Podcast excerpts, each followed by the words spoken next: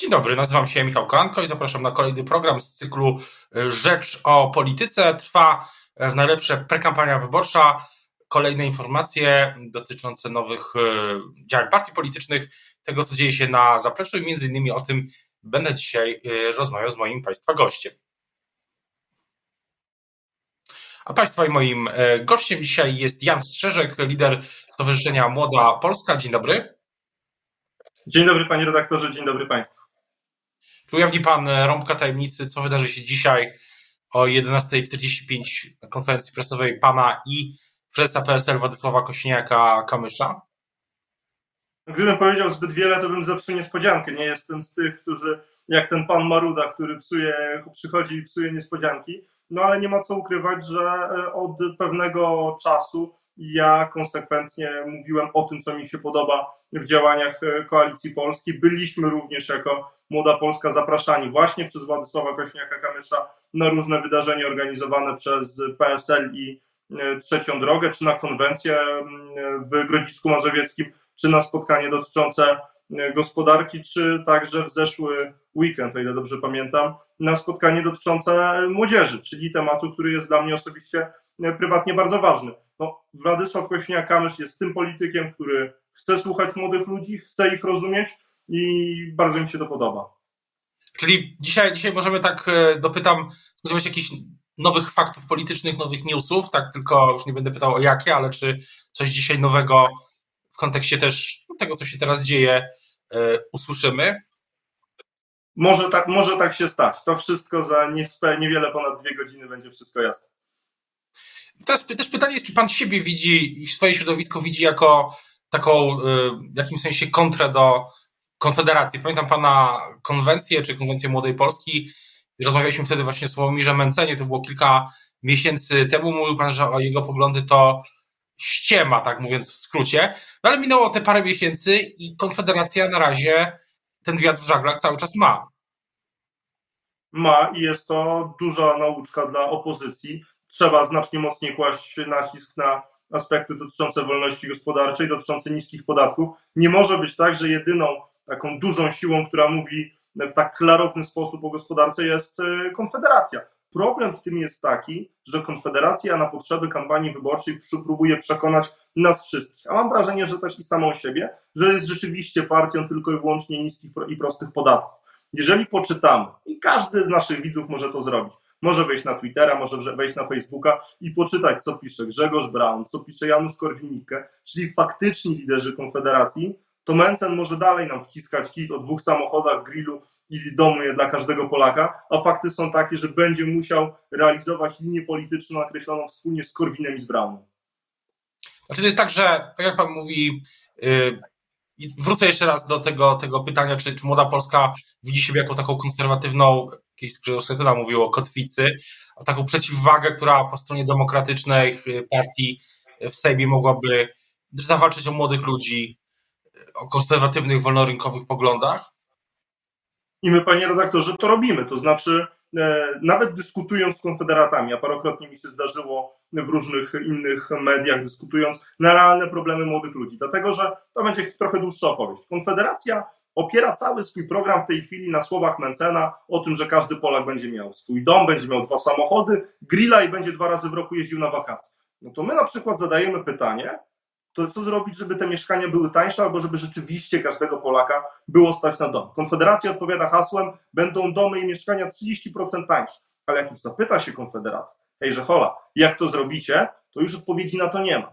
Dlatego problem jest taki, że Konfederacja opowiada absolutnie bajkowy świat, w którym ja bym chciał żyć, którym pewnie pan redaktor chciał żyć, w którym nasi widzowie chcieliby żyć, dlatego że takie życie bez jakichkolwiek zmartwień i kolokwialnie mówiąc na high life jest e, raczej marzeniem większości społeczeństwa, ale problem jest taki, że za tym nie idą jakiekolwiek realne propozycje. Ba, poza tym, że brakuje realnych propozycji, to też brakuje politycznego planu, jak te propozycje wprowadzić w życie, dlatego że dobrze wiemy, że najpewniejszą konfiguracją, jeżeli PiS będzie miał szansę rządzić, to będzie rządził właśnie z Konfederacją. Wtedy marzenie o obniżce podatków, o obniżce cen mieszkań, o realizacji tych wszystkich innych postulatów programowych, o których mówi Konfederacja, no dobrze wiemy, że się nie stanie. Będzie wielki skok na spółki Skarbu Państwa i tyle. Też e, takie ogólne pytanie, y, bo widać, że Konfederacja i wzrosty, to o czym Pan mówi, ta opowieść Mencena, profesor Marciniak y, mówiła mi niedawno, że to jest opowieść o pełnych kieszeniach, których, których będą mieli Polacy po sukcesie Konfederacji, że ta opowieść no, się, się przebiła, że ona gdzieś jakąś strunę dotknęła, że tak naprawdę jednym z takich ogólnych wniosków po tych pierwszych pół roku tej prekampanii wyborczej jest to, że no właśnie o tym, że rozmawiamy o Konfederacji, a nie o innych siłach tak, tak dużo. Y, więc pytanie, czy ma Pan jeszcze jakieś inne takie ogólne wnioski co do tej pierwszej części tej prekampanii wyborczej, też z punktu widzenia no, Pana samodzielnej działalności jako lidera Młodej Polski po odejściu z, z porozumienia razem ze swoimi współpracownikami? Przede wszystkim widzę, że jest potrzeba, żeby młodemu pokoleniu zaprezentować konkretną, ale też realną ofertę. Że młodzi ludzie są poradni na Mam nadzieję, że dlatego Konfederacji będzie trochę spadać, dlatego że młodzi ludzie, w dużej mężczyzna i, i tam co piąta co szósta młoda kobieta deklarują e, chęć oddania głosu na Konfederację, dostaną alternatywną, ale wiarygodną, policzoną i przedstawioną ofertę w konkretnych, istotnych dla nich częściach e, politycznego życia, na przykład mieszkań, na których ja się bardzo mocno skupiam. Mieszkam w Warszawie, pochodzę z Warszawy, wiem ile tutaj kosztują mieszkania i wiem jak bardzo, jak wielkie problemy ma młody człowiek na to, żeby na nawet wynajem mieszkania sobie pozwolić, to my chcemy przedstawiać konkretną ofertę i mam wrażenie, że ta konkretna oferta, jeżeli będzie dobrze policzona, jeżeli będzie wiarygodna, no to ona przekona młodych Polaków, a nie bajka o tych dwóch samochodach i grillu w każdym e, domu i pięknym domu. No, to, to, to, młodzi ludzie są wyjątkowo wyczuleni na kit, są wyczuleni, wyjątkowo wyczuleni na fałsz i my chcemy pokazywać, swoją konkretną kontrofertę dla Konfederacji, tak że młody człowiek, który chce się angażować politycznie, że młody człowiek, który chce mieć swoich przedstawicieli w parlamencie, może mieć takich, którzy mają doświadczenie, bo się na przykład sprawdzili w samorządzie, a w młodej Polsce są ludzie, którzy sprawdzili się w samorządzie, którzy z niskich miejsc wchodzili do swoich rad miast, którzy tam ciężko pracują, którzy są skuteczni i oni także będą w stanie być skutecznymi ambasadorami problemów młodych ludzi w Sejmie, dlatego że sami mają te problemy. Jakbyśmy wyszli na ulicę i spytali nie tylko młodych ludzi, ale skupmy się na nich, czy je, są w stanie sobie pozwolić na wynajem mieszkania w dużym mieście, a najczęściej żyją w dużym mieście, bo chcą studiować, bo chcą zakładać rodzinę, bo chcą mieć szersze perspektywy zawodowe, to nie ma bata, żeby przy tych cenach było ich stać na mieszkanie poza jakąś wąską grupą e, najlepiej zarabiających młodych ludzi. No my chcemy te problemy rozwiązywać i mamy je przygotowane, e, mamy przygotowane e, odpowiedzi na te pytania. Ale też jest tak, że nie mam poczucia pewnego paradoksu, że przez 4 lata w zasadzie od wyborów też prezydenckich, e, gdy młodzi ludzie generalnie poparli bardziej Rafała Trzaskowskiego niż Andrzeja Dudę, zwłaszcza po protestach, e, sprawach, e, po, po wyroku, po, przepraszam, po decyzji Trybunału Konstytucyjnego w sprawie aborcji w październiku 2020, jakby taka ogólna teza o młodych ludziach i wśród młodych ludzi była taka, że to młode pokolenie się szybko liberalizuje, że ono jest zupełnie inne trochę jest zupełnie inne niż pokolenie e, swoich e, rodziców. A teraz rozmawiamy o sytuacji, w której młodzi ludzie są. E, opozycja demokratyczna musi kierować ofertę do młodych ludzi ze strony konserwatywnej, liberalnej, wolnorynkowej, a nie progresywnej. To coś, coś, coś jest nowego, innego, albo te diagnozy z przeszłości może były błędne. To nawet moim zdaniem nie chodzi o sam fakt konserwatywnej oferty to chodzi o fakt oferty liberalnej gospodarczej. Chodzi o to, żeby, mam wrażenie, że na tym o to chodzi młodym ludziom, że mniej istotne dla nich są kwestie światopoglądowe, a istotne jest to, ile im zostanie w kieszeni. Dlatego my na przykład zaproponowaliśmy, żeby w przypadku młodych ludzi do 26 roku życia, w przypadku umowy o pracę, zarabiać, e, był przelicznik brutto-netto, żeby państwo wzięło na siebie te koszty, żeby młodzi ludzie byli chronieni w pracy. Dlatego w tej chwili często wybierają zlecenia i umowę o dzieło, dlatego że więcej dostają po prostu na rękę. My chcemy, żeby mieli taką możliwość także w przypadku umów e, o pracę. I ci młodzi ludzie mniej patrzą na kwestie światopoglądowe, istotniejsza jest dla nich gospodarka, istotny jest dla nich element wolnościowy i Konfederacja w tej niszę trafiła. Muszę przyznać e, politykom, że im się dość przypadkiem, a trochę poprzez zaplanowane akcje, udało dotrzeć. Nie zmienia to jednak faktu, że cała ta oferta Konfederacji jest po prostu nieautentyczna. Ale też jest tak, że nic oczywiście całego ten czas miał poświęcić Konfederacji, ale pan trochę to środowisko zna. I tak wiele osób się zastanawia teraz, co, co, co planuje Sławomir Mencen po wyborach. Załóżmy, że on będzie takim, jego koledzy będą rozgrywającymi w przyszłym Sejmie, że jaki jest tak naprawdę jego cel? Mm, bo niektórzy mówią, że jego celem jest doprowadzenie czy sprawienie, że będą kolejne wybory na wiosnę przyszłego roku i wtedy Konfederacja będzie miała jeszcze większy wynik. Pierwszym zasadniczym celem Mencena powinno być utrzymanie całego ewentualnego przyszłego klubu w całości, dlatego że jestem święcie przekonany, że dzień po wyborach, gdy już będzie jasne, kto obejmie mandat poselski, politycy PiSu ruszą na wycieczkę do tych ludzi. Pod domami przyszłych, świeżo upieczonych posłów Konfederacji pojawią się rządowe limuzyny, które będą ich zabierały do kancelarii premiera e, albo do miejsca, w którym w danym miejscu będzie przebywał Jarosław Kaczyński, Mateusz Morawiecki albo Michał Dworczyk, który jest ekspertem w PiSie do spraw budowania większości w kraju. Dlatego. No nie tylko w kraju chyba. Mencena.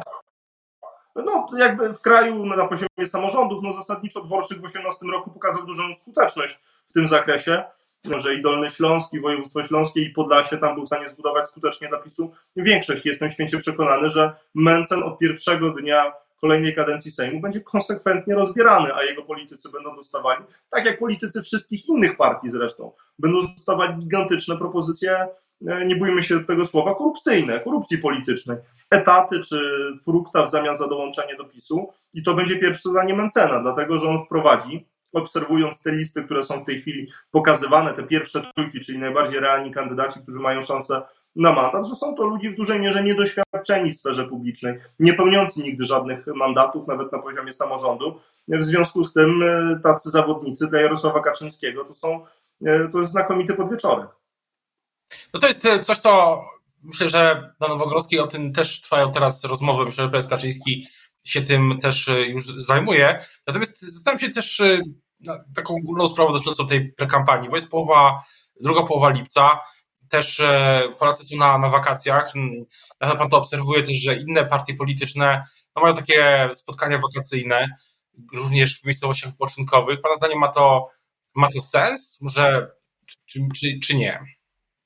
Ma to sens o tyle, że nie można stracić ani jednego dnia. Do wyborów pozostało niespełna trzy miesiące. Zakładając oczywiście, że odbędą się 15 października, czyli w tym najczęściej prognozowanym nie zmienia to jednak faktu, że trzeba każdy z tych dni bardzo, bardzo ciężko przepracować i jestem święcie przekonany, że nikt po stronie opozycyjnej nie chce za trzy miesiące powiedzieć, kurczę, no trochę odpuściliśmy i dlatego nam się nie udało. Nie. Każdy dzień trzeba wykorzystać. Ja sobie zdaję sprawę, że Polacy też są trochę zmęczeni polityką, dlatego że w najbliższych miesiącach będą jej mieli aż za dużo. Najpierw wybory parlamentarne, później układanie rządu, a chwilę później wybory samorządowe i europejskie. Nie zmienia to jednak faktu, że każdy dzień trzeba dobrze wykorzystać. Każda osoba, z którą się porozmawia na ulicy, każdy, nawet TikTok, każdy post na Facebooka, czy dobry tweet, który może do jak największej grupy Polaków, jest absolutnie rzeczą, którą trzeba robić. A nie ma poczucia, że opozycja demokratyczna, którą tworzy pakt senacki, tak w skrócie na niej, o niej można powiedzieć, y, do, zmarnowała te ostatnie pół roku, no bo tak de facto ten format startu do Sejmu poza powstaniem trzeciej drogi to dalej, dalej wszystko jest gdzieś tam w jakimś zawieszeniu. Mam wrażenie, że zbyt duże oczekiwania były kładzione na ewentualną e, jedną listę ja nie mając wtedy wiedzy, jak wyglądają zakulisowe te rozmowy, mam nadzieję, że mam wrażenie, że tak jak Polacy, e, niektórzy byli przekonani, że to już zaraz będzie gotowe i to jest obgadane. Finalnie okazało się, że największą umiejętności współpracy mają właśnie Kośniak-Kamysz, lider PSL i e, Szymon Hołownia i to oni byli w stanie realną pracę e, naprawdę dwóch silnych podmiotów, które odegrają rolę w tych wyborach i mam nadzieję nie tylko. E, a co do reszty, no rzeczywiście myślę, że oczekiwania pół roku temu były zupełnie inne. Bo też jest tak, że no, ten czas polityce się, się liczy i też e, nie, nie da się go trochę w niektórych przypadkach nawet wcale od, odbudować. Tak, takie jest poczucie, że że dużo się wydarzyło, w sensie wydarzeń, takich marszy, konwencji i tak dalej, ale spotkań, bo tego nikt nie odmówi ani liderom lewicy, PSL-u, Hołowni czy Platformy, no ale ten format polityczny dalej gdzieś tam jest w pewnym zawieszeniu. No dlatego trzeba te najbliższe niespełna trzy miesiące wykorzystać absolutnie w 100%. Teraz Polacy są na urlopach, nie zmienia to faktu, że pewnie już niedługo zacznie się jeszcze pewnie przed oficjalnym, e, przed oficjalnym rozpisaniem wyborów zacznie się już taka typowa kampania na ulicach. Wtedy jeszcze potencjalni e, będą e, zabiegali o poparcie Polaków i tak moim zdaniem trzeba, trzeba robić. Ja osobiście prowadząc swoje wcześniejsze kampanie wyborcze zawsze byłem obecny na ulicach, zawsze od rana do wieczora bezpośredni kontakt z Polakami do tego, żeby ich bezpośrednio prosić o poparcie i przekonywać do oddania głosu na mnie czy na środowisko, z którego się wywodzę.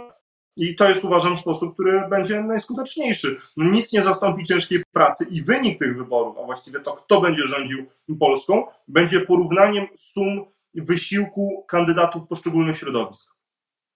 To jest tak, że a, a na koniec jeszcze pytanie o to referendum, które Prawo i Sprawiedliwość e, zapowiedziało. Dzisiaj, z tego co słyszałem, posiedzenie ścisłych władz PiS, one się, to te posiedzenia się odbywają co tydzień.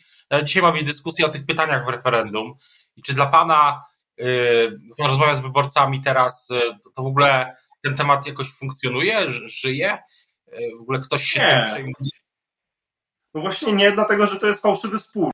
No to, to jakby zostaliśmy postawieni w sytuacji takiej, gdzie zasadniczo lwia część Polaków mówi nie, nie chce obowiązkowej relokacji, a PiS stawia tezę, że opozycja mówi tak. Potem opozycja mówi nie i okazuje się, że nikt za tym nie jest, a mimo wszystko będą przepalane gigantyczne pieniądze na ten cel. To znaczy, Prawo i Sprawiedliwość w ten sposób osiąga Mistrzostwa Świata w przepalaniu publicznych pieniędzy. Ja, mówiąc szczerze, chciałbym zobaczyć, e, e, się dowiedzieć, czy politycy PiSu tak samo chętnie pieniądze przepalają, dlatego że jeżeli będziemy w każdej sytuacji, która nie budzi jakiejkolwiek wątpliwości w Polsce, robić referendum, to oczywiście można mówić, że to jest świetne zwiększenie partycypacji społecznej, że w ten sposób więcej Polaków będzie zaangażowanych w życie publiczne, Fakty są jednak takie, referenda powinny się odbywać w sprawach, które rzeczywiście jakoś dzielą Polaków. A ta sprawa po prostu Polaków nie dzieli. My pokazaliśmy, że jako kraj jesteśmy w stanie pomagać. I pomagaliśmy Ukraińcom. W domu, w którym teraz e, jestem, sam e, wiele osób z Ukrainy e, gościłem od początku wojny. E, i e, dlatego oczekujemy po pierwsze wsparcia Unii Europejskiej, a po drugie tego, że skoro na przykład Portugalia czy Hiszpania nie pomagały Ukrainie, bo po prostu są za daleko, no to że one ewentualnie będą brały na siebie ten ciężar relokacji uchodźców. My swoje zrobiliśmy, jesteśmy fair. Czyli e, może referendum w jakichś sprawach, które są, może te pytania powinny być na przykład dotyczące, nie wiem, waloryzacji 800, 500 plus dalszej, czy, czy kwestii dotyczącej aborcji. Może, może tutaj, bo tutaj real, spór wydaje się zwłaszcza no, wydaje się bardziej realny.